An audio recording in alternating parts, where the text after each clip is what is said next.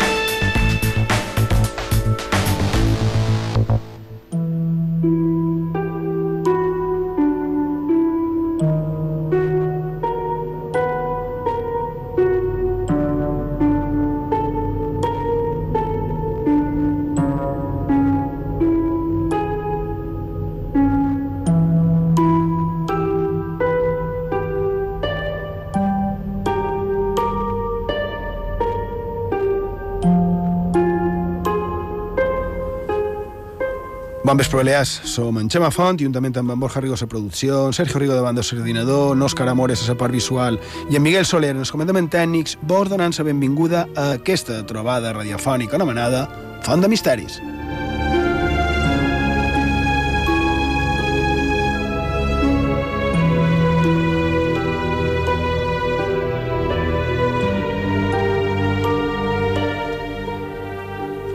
I doncs seguim aquest mes d'agost amb aquesta mena de programes especials o, o simplement programes estiuencs, una mica... crec que estan resultant-se una miqueta diferents.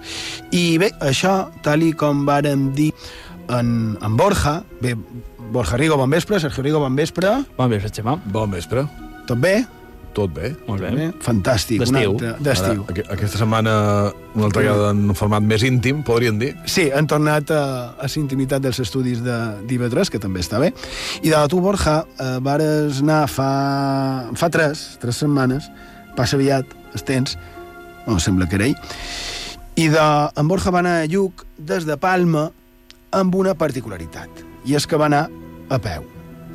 Pels que no coneixeu bé Mallorca, hem de dir que és una passejada de més de 40-45 quilòmetres, que requereixen unes 9-10 hores per, per dur-se a terme i que a partir del quilòmetre més o manco, el quilòmetre 30, que ja hi són, comença una pujada a sa, a sa muntanya, que és d'allò més feixuc. I, Sergio, per què estic dient això?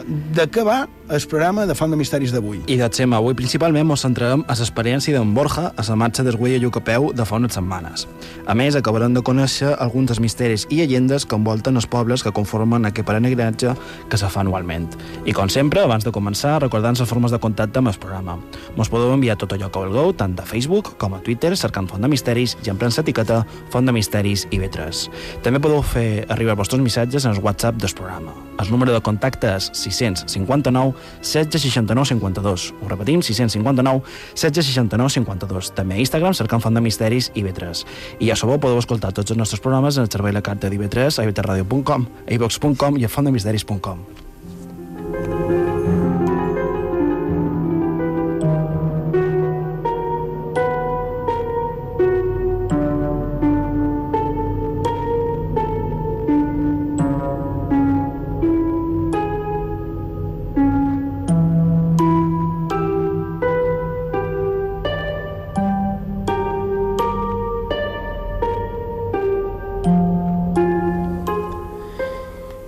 d'això, tal i com ha dit en, en Sergio, i també vàrem comentar en el seu dia en directe, en Borja va anar a la marxa d'Esguell a Lluc a i va assolir, va acceptar, podríem dir, el repte, el repte de fer-ho, però amb una particularitat. I també me, me va sorprendre, perquè això me va dir en Borja, que vares arribar molt d'hora, Sí, a les 7 i 39 minuts. molt d'hora. I avui en Borja m'ho va llevar aquesta marca. Uh, efectivament, però clar, no podríeu partir tots dos. Uh, a veurem uh, si en una altra ocasió també feim qualque cosa semblant.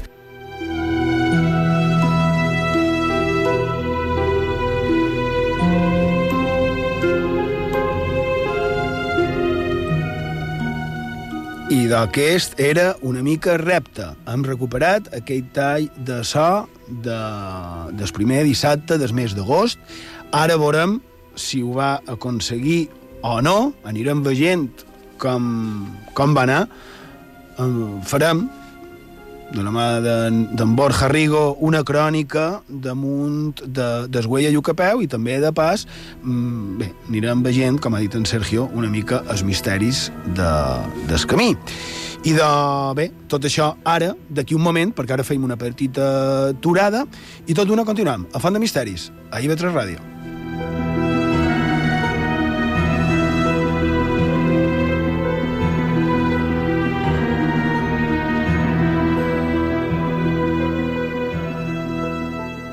Xema Font.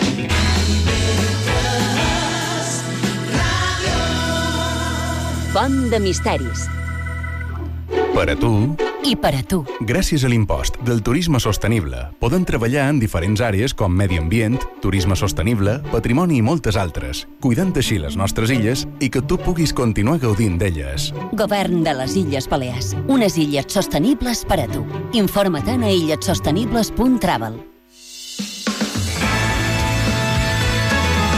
Escoltau IB3 Ràdio, la ràdio pública de les Illes Balears. A Mallorca, 106.1.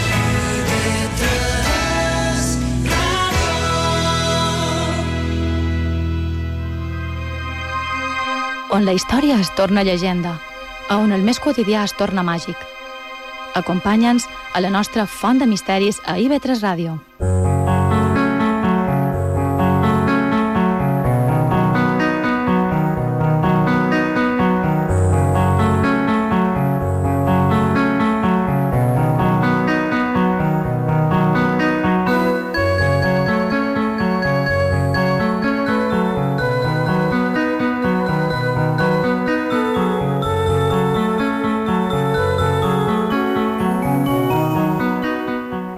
Seguim a Font de Misteris, a sintonia 3 Ràdio, la ràdio pública de les Illes Balears, i avui, com hem, com, com hem comentat, com hem dit, volem saber una mica més damunt d'aquesta experiència de fer el camí, el pelegrinatge, des, de, des del punt conegut com es Güell, a Palma, a prop del centre de Palma, fins al monestir de Lluc, en el cor de la serra de Tramuntana. Això són més de 40 quilòmetres fets en una sola nit. El punt que he dit Güell era on antigament hi havia el bar Güell, a la ciutat de Palma, i això està en el carrer Aragó, eh, a mitjans de, del carrer Aragó dins la ciutat de Palma, perquè el carrer Aragó és un de, dels més llars que hi ha a la ciutat. En qualsevol cas, Borja Rigo, crec que podries començar una mica aquesta crònica de, d'Esguella Llucapeu, que recordem que estàvem en a- a l'estudi 1 i eh, estàvem fent el programa normalment i a hi ha un vídeo, de més, que va fer el nostre amic, sí. en, en Xisco García, va fer un vídeo de com eh, estem fent el programa i en Borja s'aixeca amb unes pintes que déu-n'hi-do. Clar, anava preparat ja, anava ben vestit. Ah, efectivament, anava a preparar per poder anar Si no li donava temps. Sí, i, i en, el seu dorsal, que es duia a davant, però dorsal, i, i vares partir cap a Derguella Llucapeu, i de contents. Bé, si és un vídeo molt pintoresc, per cert, no, no ho puc negar. Ja ho pot ben dir. Si comencem aquesta crònica de la pujada de Jucapeu de 2019, ho podem fer, si voleu, en el moment just de després d'acomiadar-me de Voltros, eh, en el programa de fa ja tres setmanes, era... Bé, recordeu, i l'audiència, qui no mos escolt, qui no mos escoltàs ho, ho comentam, jo ja estava enmig de, de renou, de, de tota la gentada aquesta per partir, i és el moment màgic on, on tot comença, el moment on tot és possible. Bé, ja podeu sentir el gran Renault, la gent està a punt a punt de sortir falten dos minuts per les 11 del vespre, n'hi ha que ja han partit, un poc abans d'hora, la gent comença a aplaudir, és imminent que donin el sus i, com deia, de fet, fa uns minuts a les ràdios que m'heu sentit, eh, això comença ja, comença la 45a pujada a Lluc a peu i promet ser una aventura bastant interessant.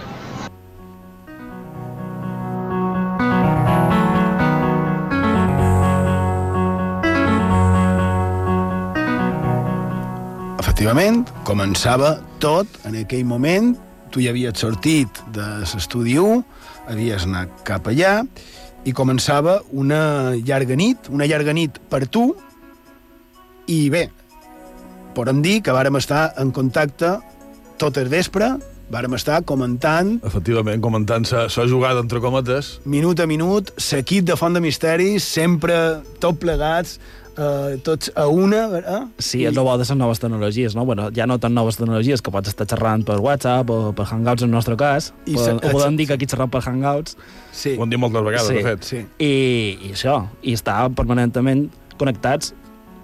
per, per saber, Saber. com, com anava De aquell... fet, mos podia donar la posició en temps real, si volia. Sí, Amb Borja, sortia sí. el monigote consultant el WhatsApp. A, a veure, no ho vàrem fer, No ho això. vàrem fer, no ho això vàrem fer, no, no ho vàrem fer. Bé, Borja. Bé, durant els primers compassos de caminada és una apreciació personal, clar, però la sensació és una mica com... Ho diré, sona un poc raro, però... No, Com... no, no mos sorprèn. O sigui, Borja, estimes estiu, és tot una miqueta diferent, i si normalment en dius cada una que déu nhi ja mos podem preparar. Ara mem, que mos mollaràs. No, simplement que la percepció és com la d'aquells guerrers no? de, de temps enrere, que quan marxaven cap a la batalla eren animats i aplaudits pels seus coneguts, pels veïnats, i era una mica la sensació que vaig sentir durant els, els primers moments. Imagineu, sortir carrer Aragó, avançar pel carrer Aragó, i centenars de persones en les, dues voreres eh, fent aplaudiments i xiulant i cridant, faltava que tirassin les flors, que això no va arribar, però tampoc feia falta. Crec que podem sentir un momentet d'això, si voleu.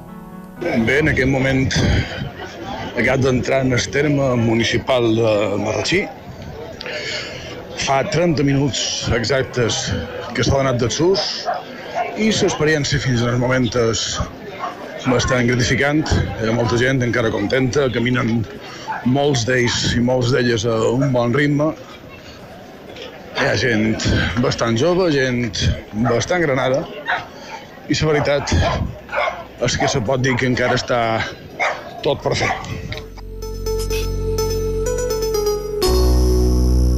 Bé, aquest tall és un moment posterior a això que deia fa un moment, Sí. encara dins el carrer Aragó, realment, arribant a Marratxí, que és on, sí. on acaba, i encara se mantenia un poc la de la gent aplaudint als costats, i, i en els primers 30 minuts, és a dir, no havia passat res encara. Era, era això, una, una petita, una mínima introducció a lo que, a lo que vendria després. Hem de concloure, en Sergi i jo, que tu ets una mena de guerrer, no? Ets un dels nostres guerrers. No me desagrada el terme, després si m'hagués enfrontat amb qualcú seria una altra, una altra història, però, però així a nivell Poètic. poètic queda, queda molt bé. Sí, la veritat és que, és que sí. Carrers utòpics, mos podrien denominar. I ja està, Eh? així, així queda bé. Les utopies gairebé la mitja nit del dissabte i dels guerrers utòpics. Bé, Segueix, guerrer. primera mitja hora completa, bé, acompanyat de d'haver 6.000 persones que varen partir, que ja n'hi ha. I avançam una mica més.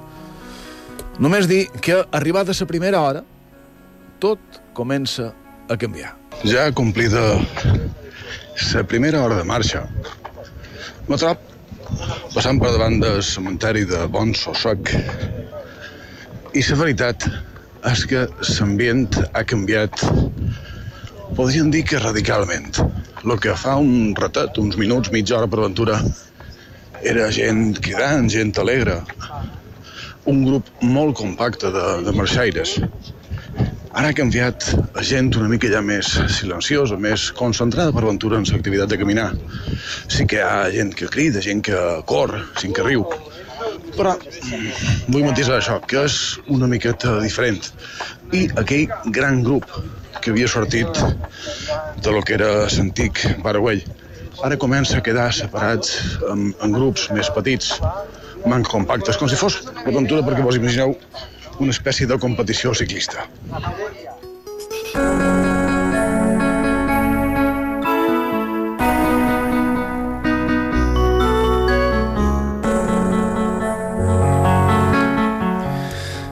Aquí, sa, Borja, se te nota sa veu ja una miqueta més de d'estar exercint una activitat. Hem de dir que, com volies, eh, després direm si ho vas aconseguir o no, eh? però bé, volies superar eh, el repte que se t'havia marcat, o t'havies, fins i tot, vas ser tu mateixes que ho vas Sí, decidir. no, no hi havia cap obligació real. Era, No, era... evidentment. I d'anar d'esguella i a peu, tampoc. És perquè som com som i som un flipats, però és el que hi ha. Però se, és vera que es nota, se nota cansat, però... Um, a lo millor aquella mena de silenci que comences a dir tal, tal vegada era per estar a prop del cementiri, o no? No crec que No, la majoria de la gent fos massa conscient. És dir, En aquell moment és igual que estiguis o no estiguis davant del cementiri. No, més que res perquè encara era, era, era prest. I molta gent anava, anava a lo que, a lo que anava. Però els que anaven a on estaves tu, anàveu a una velocitat important. Sí, i també s'ha de matitzar, i això no m'apareix bé, que hi ha molta gent que parteix abans d'hora.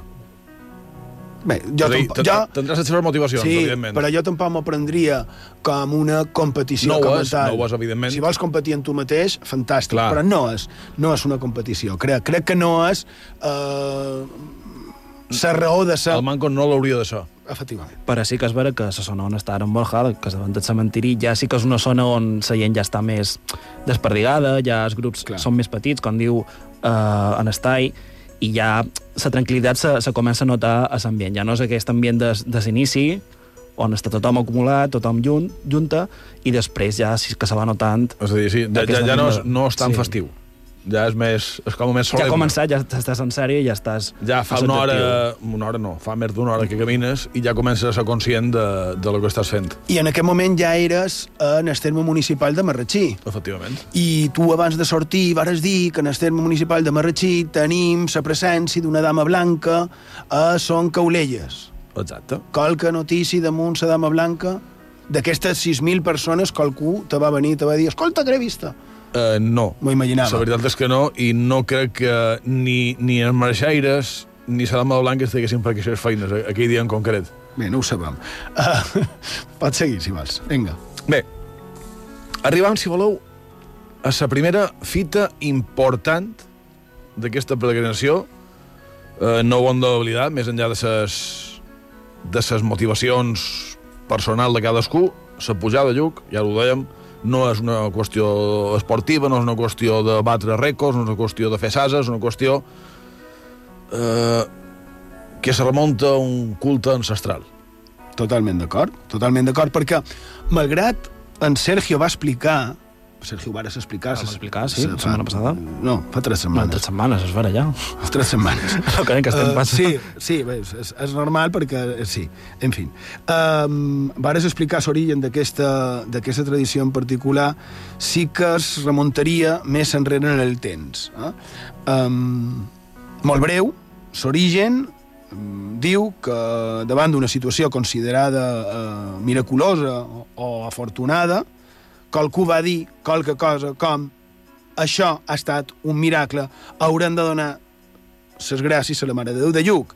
I així va, així va començar, no? I això va passar un dia en el Bar Güell, fa 45 anys.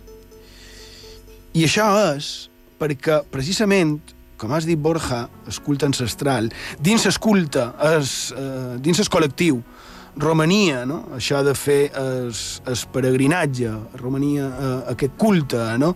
Eh, perquè, de fet, Lluc va ser, és, crec, el centre de pelegrinatge de les illes. No? I, a més, quantes llegendes relacionades precisament amb aquests pelegrinatges hi ha, no tan sols en els vells llibres que parlen d'aquell, eh, com es deia, eh, llibre de, de la invenció de la Mare de Déu de Lluc del segle XVII, per exemple, ja hi ha recollits moltíssims de suposats miracles, molt d'ells relacionats amb aquest pelegrinatge. No?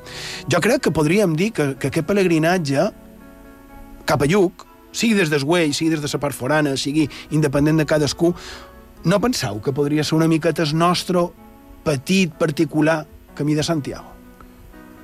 Efectivament, de fet, per distància seria seria quasi la meitat de la que necessites per aconseguir una Compostela.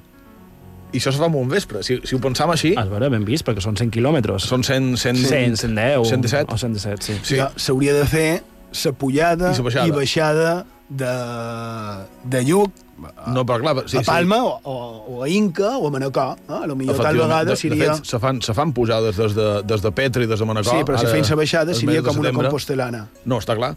I el que sí que és cert és el que deies, és a dir, és un culte ancestral, és una mare Déu trobada, com altres que hi ha per la nostra geografia, i Sí. sí. que no va començar als anys 70.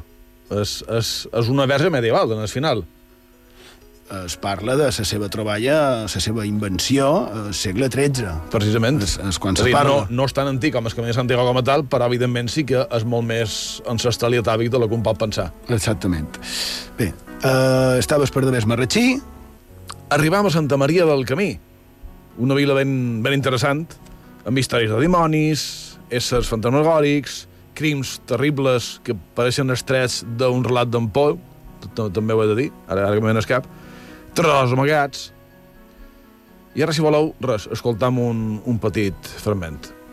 Fa dues hores i quatre minuts que varen donar a sus i ja me trob entrant a Santa Maria del Camí, que és un poble, ja m'ho han comentat, ple de misteris i de successos francament fascinants. Fa una estona comentava que el grup ja està molt més dispers i aquesta tendència va en alça. Realment, ja existeix bé, el manco, la posició a la qual jo vaig. Existeixen grupets de persones més o manco silencioses que avancen en el seu ritme. Uh, dir que només duim 12 quilòmetres i mig de marxa, queden llargues, llarguíssimes hores i tot lo dur està per arribar.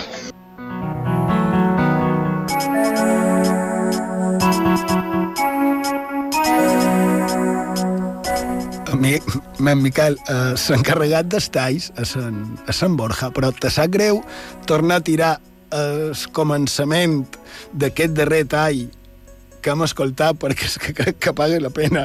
Parlàvem d'aparicions fantasmagòriques.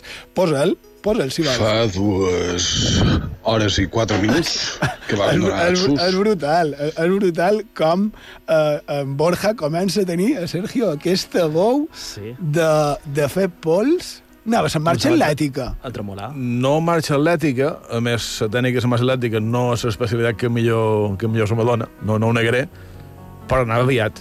És a dir, aviat dir el que és caminar. Bé, és que, de fet, parlant seriosament, és que m'ha fet gràcia que bé, tal, per, per, per semblava que això, que era una cinta magnètica en el ralentí, cercaves qualque psicofonia. No, però és vera que en el teu cas anaves molt aviat, eh?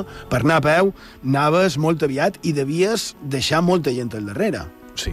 A més, te devien, te devien sí. veure... A més, a devien més, pensar com, que eres en Forrest Gump. Allà, tu, tu, tu, tu, tu, com, com per circumstàncies eh, estar entretengut fent una altra cosa just abans de sortir, és a dir, xerrar amb vosaltres en directe, Mm.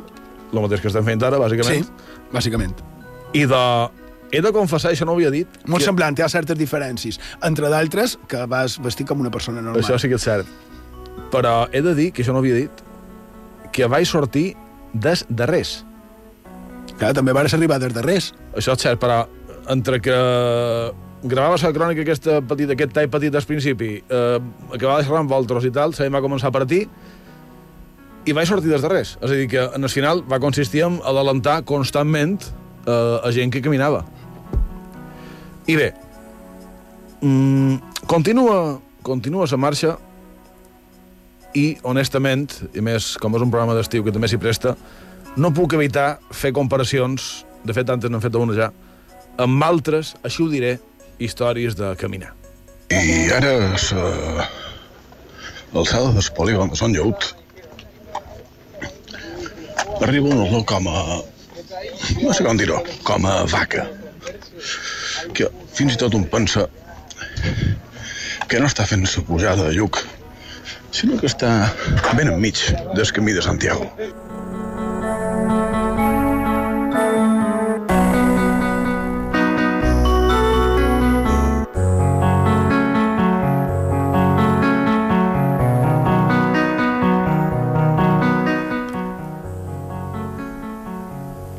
Que no hi ha ho hem dit abans, no? no hi ha tanta diferència. Eh? Hi, ha, hi ha moltes semblances, verdaderament, entre, entre Efectivament. el, els, dos, els dos camins, no? els dos pelegrinatges. Estaves davant del polígon de, de Son Lleut, um, i bé, um, això està just al mig entre Santa Maria i Consell. Efectivament. I, i aquesta olor que varen sentir, fa molt d'anys que et sent aquella olor. I la pregunta és, vareu veure dimonis boiats? Perquè vàrem estar parlant, també, eh, el dia 3 que d'agost, aquí, que que deien que hi havia dimonis boiats per aquella zona d'allà i que apareixien tots sols sense demanar-lis. No en vareu veure cap, tampoc. Jo crec que devien estar en la dama de blanc, un poc més enrere. A Son perquè no, Caulelles. no varen... A Manco no, no els vaig veure.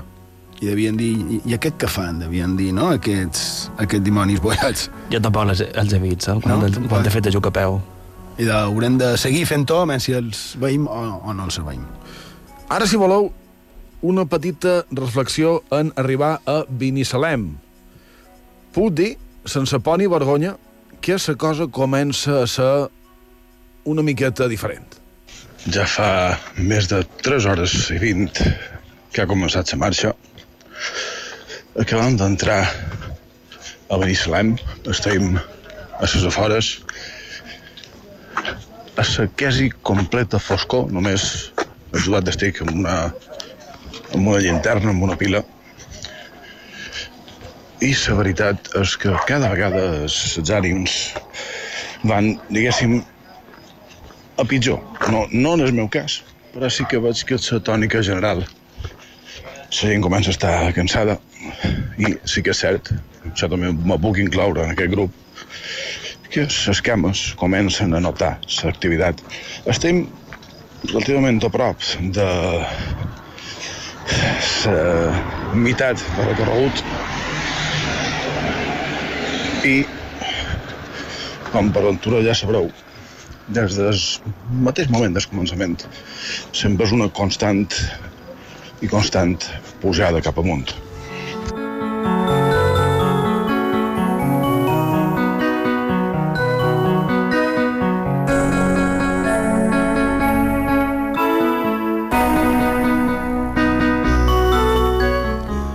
Ànims a pitjor, A pitjor. a pitjor. A més, es nota, es nota com eh, el cansanci i, i, i els quilòmetres que ja dus fet eh, van, se, se van notar, m'imagino, clar, perquè a Binissalem no, ja, ja n'hi ha un...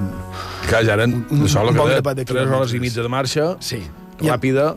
Sí. Eh, he de confessar que hi ha coses que vaig fer durant aquest pelegrinatge que no estarien dins els consells, Dels consells que en Sergio va donar, efectivament. que, va- que, que tu els hauràs sentit per telèfon, que en Sergio va donar consells per, per I això també pot ser símptoma d'aquesta bou que feia d'esperit. De, d'esperit. Sí, sí, vaya, vaya, vaya quin un. Uh, fa un moment has dit això de, de, de atavi ancestral, no sé quina paraula has emprat. Són dues. Ah, vale. I de... Estem a Binissalem i de si hi ha una festa que la majoria, que la majoria, no sortia, la majoria de gent igual no imagina d'on pot ser que vengui aquesta festa, a Binissalem. I és que hauríem de destacar les festes d'esvermar i tal vegada les seves semblances mitològiques, no? els rituals o, o, o, o simbòliques.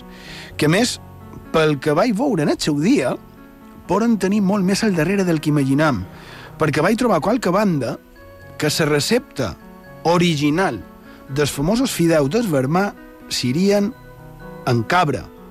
Ara crec que diuen en, en ovella bea, però pot ser que abans fossin en cabra. Si és així, per favor, qualcú que mos estigui escoltant, si mos podries donar les formes de contacte, mos podríeu... Faig la pregunta i tu dius les formes Val, de i de contacte. Facebook i Twitter cercant Font de Misteris. No fet pregunta. En el WhatsApp del programa 659 16 69 52 i el correu electrònic fontdemisteris arroba ib3radio.com. Val. I de la pregunta, que encara no l'he feta, és a veure mem, si abans o si encara hi ha la recepta de fer els fideus d'esvermar en cabra. Perquè, clar, aquest tipus de menjar, els fideus d'esvermar, només es feien per aquesta, per aquesta ocasió. I clar, no fa falta, crec que no fa falta dir tampoc massa més. És molt semblant a les festivitats gregues, les festivitats romanes, dedicades a en Dionís, a en, a en Bacus. Crec que és molt interessant, i més en sa figura de sa cabra, no? O sigui, tal vegada tornant al que dèiem de, de l'antiguitat de les festes, en aquest cas encara més, no? Perquè tal vegada hauríem assolit una d'aquelles festivitats de l'antiga Roma o encara més lluny, no? Eh, gregues. I, i clar, eh, crec que és, és curiós, és sorprenent i és molt interessant, no? Això a Binissalem és, és curiós com a... No, i, i la veritat és que... Anecdòticament, no? Ho dic. És que és... Això fa que sigui per aventura, si, si no al final mos confirmen la, la recepta de... De cabra. De cabra. Jo n'he trobat de receptes de cabra, però m'agradaria que, que qualcú de, de per allà mos ho confirmés. Per... És a dir, encara que pareixi, segons com ho contis, segons a qui li diguis, pareixi un doi, no ho és. No, i tant que no. No ho és perquè fa que encara, trob, també és, és evidentment opinió personal, que fa que aquesta festa que és especial encara ho sigui més. Exacte, exacte. Té més, més substància. Seguim. Bé, fa un moment dèiem això de que la cosa comença a canviar i no vos podeu imaginar quan. A partir d'aquest moment, ses, aquestes petites gravacions que anava fer més o manco cada, cada hora, s'interrompeixen. Vos confés que a partir d'arribar a Llosota vaig haver d'estranyar sardents per mantenir el ritme i vaig començar a enfrontar, diguéssim, el meu petit gran infern particular. Perquè vares volar. Efectivament, això sempre s'ha de matitzar. No han de pensar, no han de fer creure a la gent que fer la pujada de lluc és una tortura horrorosa, que ho pot ser, però en certes circumstàncies. De normal no té per què ser-ho. Exactament, exactament. Bé, en el marge d'això, eh, aquesta és una altra Paula ben, ben interessant, amb un grapat d'històries, com per aventura aquella de sa, de sa verge de, del Cocó, una altra trobada, com se que dèiem fa, fa un moment.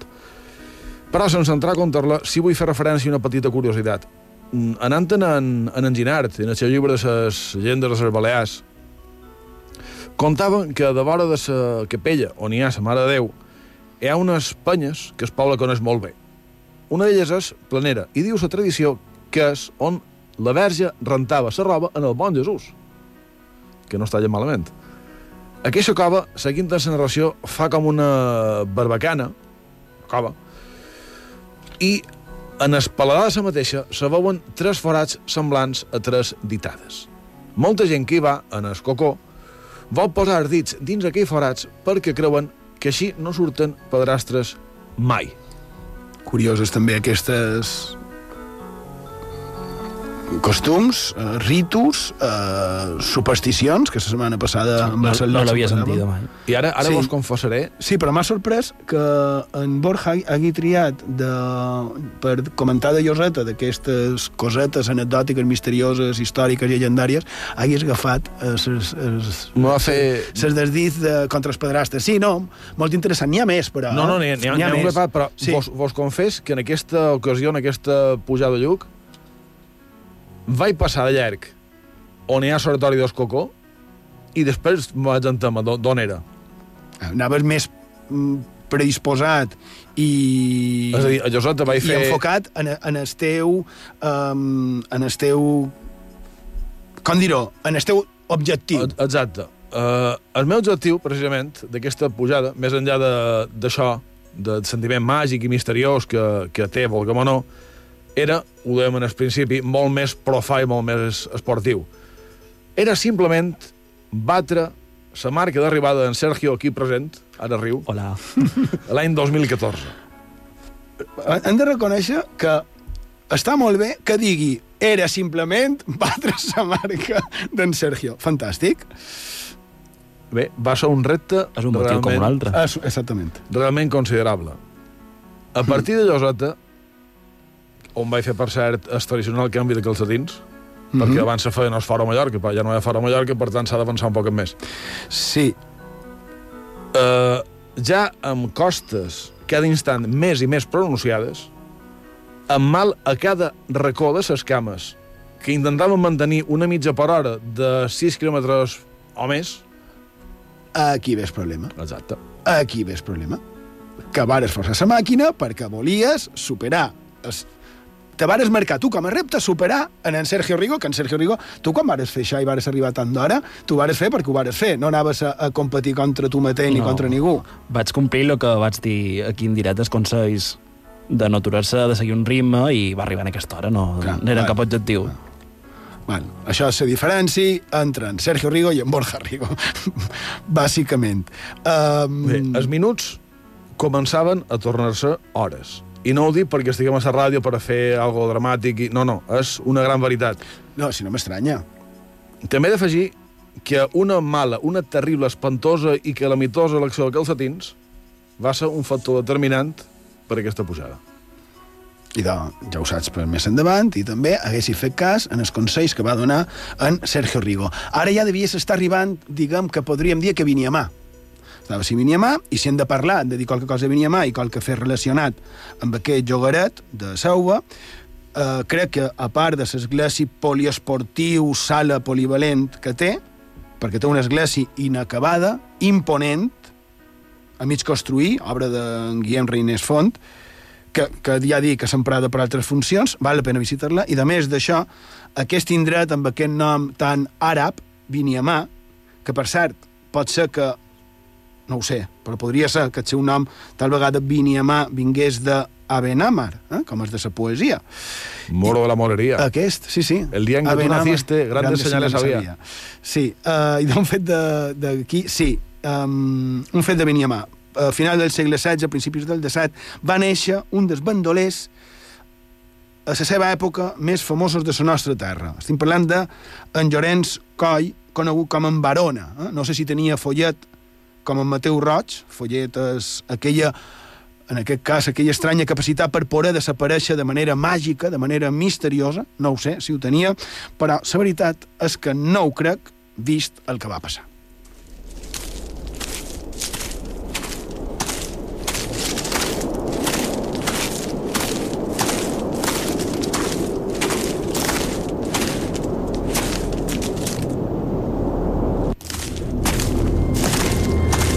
que ara que ho pensa, que aquest bandoler el podríem ubicar, uh, ubicar a tota la ruta que vareu fer, uh, Borja, tots els marxaires, perquè està relacionat en tots els municipis i, i camins no?, per on vareu anar. De fet, fi, fins i tot està relacionat en Palma. Eh?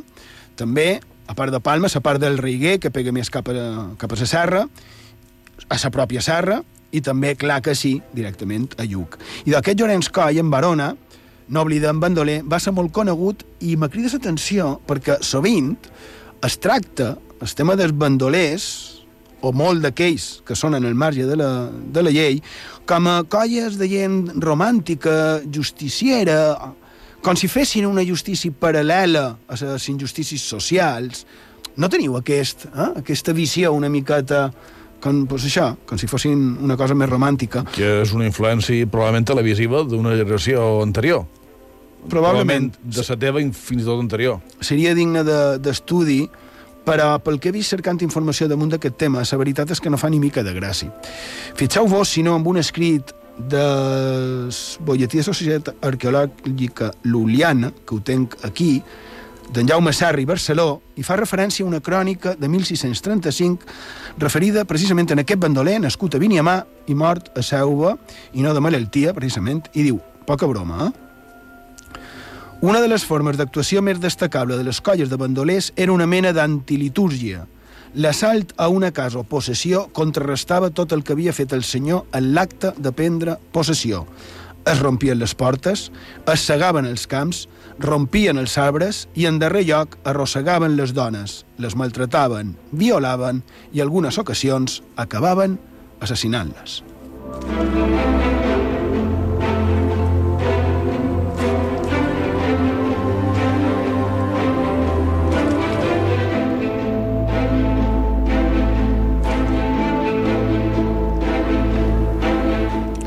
A més, s'orien d'aquest grup de bandolers sovint podria ser per ser gent de les classes menys afavorides que s'havien de cercar la vida. Gent en les que, les que no li quedava altra opció, i més en aquell convuls segle XVI, on a part de les banderies a Palma, eh, el tema dels canamuns i canavalls, havia també, a fora vila, els temibles bandolers, que a més estaven molt vinculats amb aquestes banderies de, de Palma. Per exemple, en Barona i, i la seva colla eren dels Canamunt. Eh? En resum, en conjunt Mallorca havia viscut un clima de guerra civil que, de manera encoberta, durà més de 80 anys. Mireu si ets seriós, el tema d'aquest. I és que, clar, hi havia intents per part del grup de bandolers d'entrar a Palma, fer-se la ciutat, eh? tant és així que hi havia bàndols que deien que pel simple fet de ser considerat bandejat, si eh, si a qualcuna de les ciutats de Mallorca o a les viles, de la part forana, simplement pel fet de ser-hi, serien condemnats a cinc anys de galeres. Eh? Mm, com, com ha dit, en el cas de la colla d'en Llorenç Coll Barona, el territori d'actuació d'ell era més per, per on anàveu caminant, eh, incloent però Bunyola, però Seuva, Inca, Santa Maria, Binissalem i Lluc. Eh? Fins i tot van haver de fer un bàndol per evitar que els hi s'adonàs refugi, perquè tal era el seu poder i la seva capacitat d'amagar-se.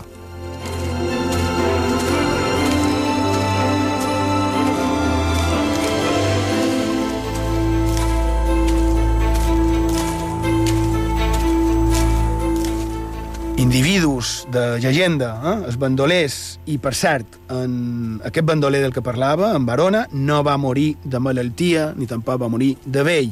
Va morir per arcabussada, com tant d'altres en aquell segle XVII.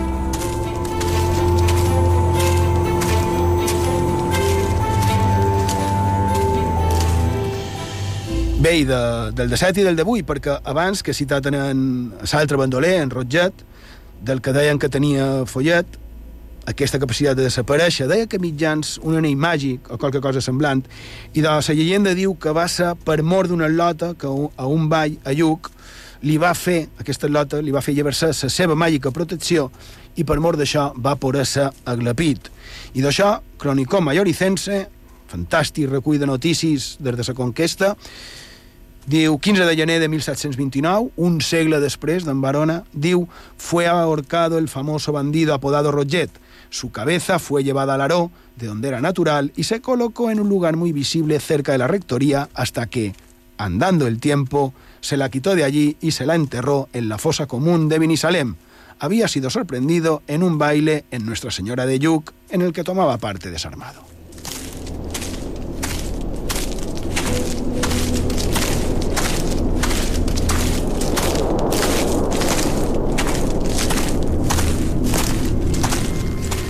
I això perquè no va tenir en aquella ocasió allò que deia de tenir follet.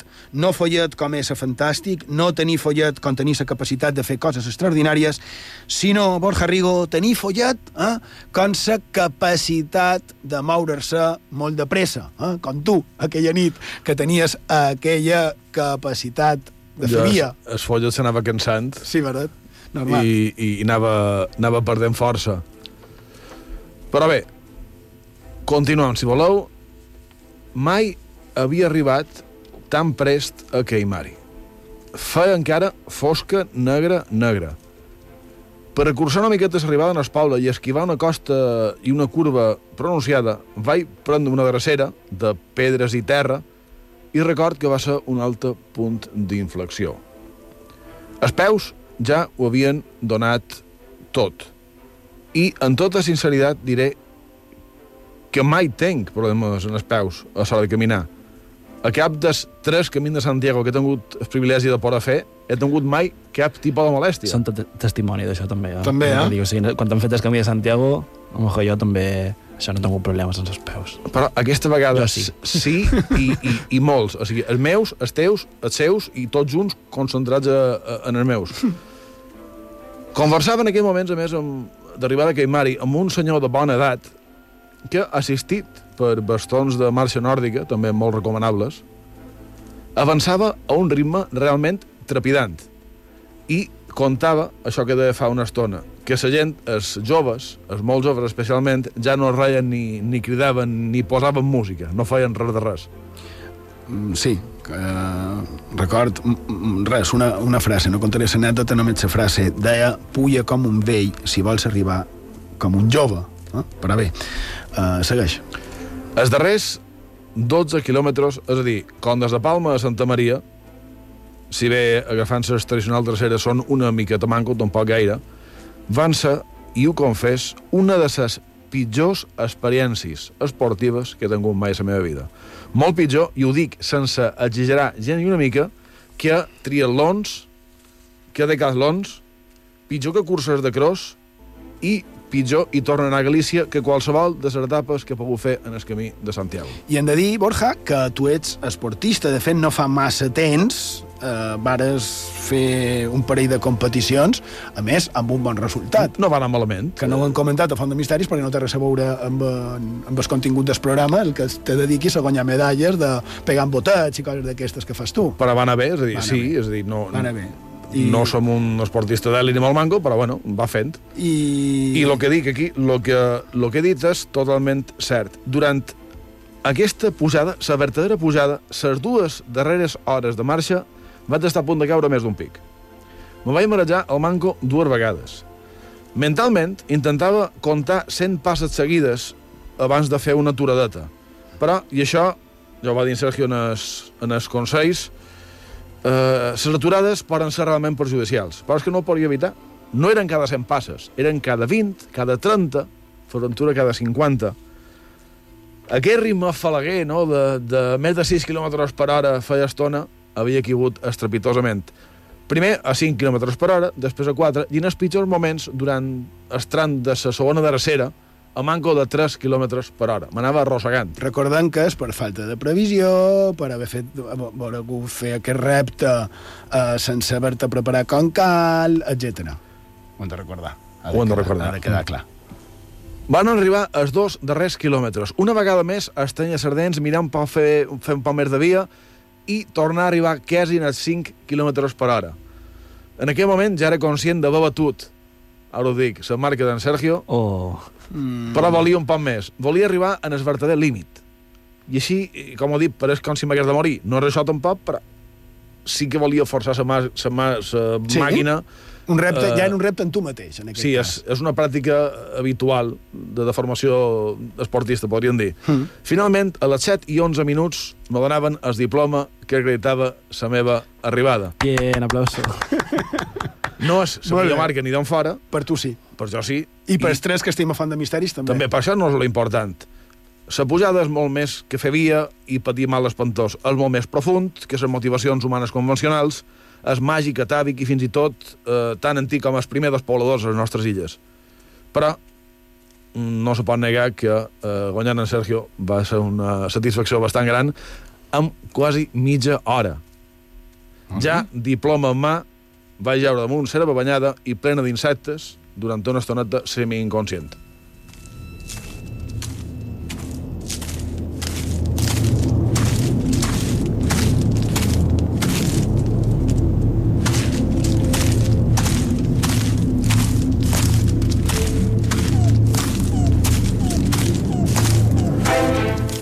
Ja queden molt pocs minuts per acabar. Una estona després i en cames tremoloses vaig cercar qualque reacció i comentari de marxaires. Em vaig atrevir.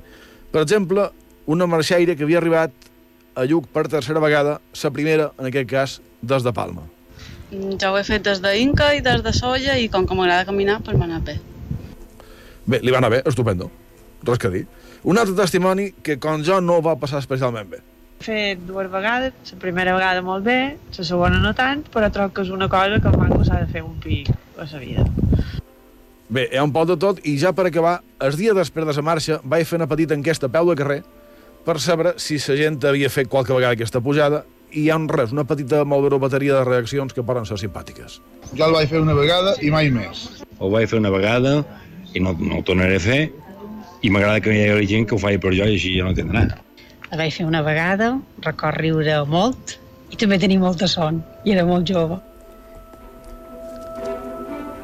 M'ha agradat moltíssim, a part de la teva crònica, aquest senyor que ha dit eh, estic content que hi hagi gent que ho faci, però no haurà de tornar a fer. Fins aquí la teva fantàstica, meravellosa, crec que divertida i diferent crònica, el teu reportatge, damunt d'aquesta experiència, aquesta prova per tu esportiva, aquest, sempre, peregrinatge, que malgrat el patiment que mos has mostrat, mos deixa la enveja, així que a veure si per l'any vinent organitzam qualque cosa més amb aquesta pujada d'esguell a Lluc a peu.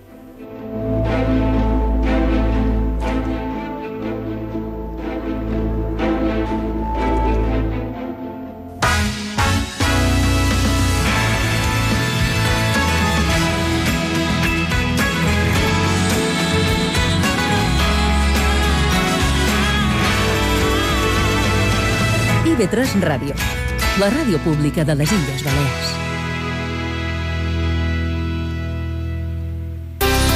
Hay días buenos, días geniales, días maravillosos. Y luego están los días que viajas a Menorca con Balearia. Ahora con Balearia, Menorca en poco más de una hora desde 16 euros y de vuelta en el día. Reserva ya en Halcón Viajes, Viajes Ecuador o en nuestras webs. Hacemos de tu viaje una gran experiencia.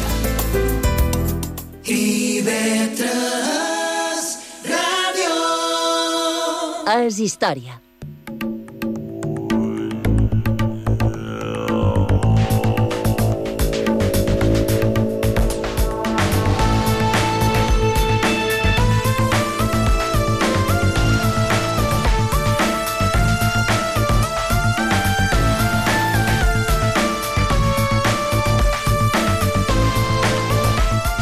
I d'hom arribat a la fi del programa d'avui. Esperem que hagueu passat una estona agradable i que hagueu pogut treure qualque cosa de profit d'aquesta font de misteris. Bé, crec que ens ha tornat a sortir un programa diferent, com el que estem fent aquest mes d'agost, i bé, com que és diferent, permeteu-me una llicència. Hem parlat del que varen fer ja fa tres setmanes, interrompre l'estada a l'estudi d'IV3 Ràdio per partir cap a Lluc a peu. I per allò és un símil d'un altre camí plegat, plegats, no? En aquest cas, en ses cames teves d'en de, Borja, però en l'esperit de Font de Misteris i, permeteu-me, el símil. Ja sabíem, fa ja més de set temporades, que aquest camí que varen començar a recórrer plegats ens duria lluny. Tal vegada no estàvem segurs quan lluny ens duria, no? Però sí que caminar plegats, fer el camí amb el suport que et donen els amics, amb la, for amb la força que et dona somiar i la seguretat que et proporciona la preparació i la feina feta ens duria a poder fer fins i tot aquestes petites locures, no? Com, com el programa d'avui. No és una d'aquestes utopies de gairebé la mitjanit del 17 i 3 ràdio, és una realitat. I la veritat, des d'aquí vos anima a tots, a totes, a lluitar pels vostres somnis, com ha estat per jo poder fer una crònica d'esguella i a peu des del nostre programa. I és que cadascú té els seus somnis, no? Fa molt d'anys, els de Goma Espuma, quan existia Antena 3 Ràdio, van fer un especial des d'esguella i a peu, i jo vaig somiar que qualque dia podria fer un programa relacionat, salvant les distàncies. Però relacionat, no? I ara la meitat d'aquest somni és una realitat. I l'altra meitat estic gairebé convençut que també ho serà. És possible, creieu-me, és possible que els somnis es compleixin. Somnis que semblen senzills però que tenen molt al darrere, com és el de fer un camí plegats. Ja ho he dit, no és una utopia, és una realitat. I tu, que ens, ens, ens estàs escoltant, també pots aconseguir allò que somies. Quiero vivir, quiero gritar, quiero sentir el universo sobre mí, quiero correr en libertad, quiero llorar de felicidad. De Namaral, el universo sobre mí. Allí, Pau, bona nit, gràcies per la vostra companyia i fins la setmana que ve.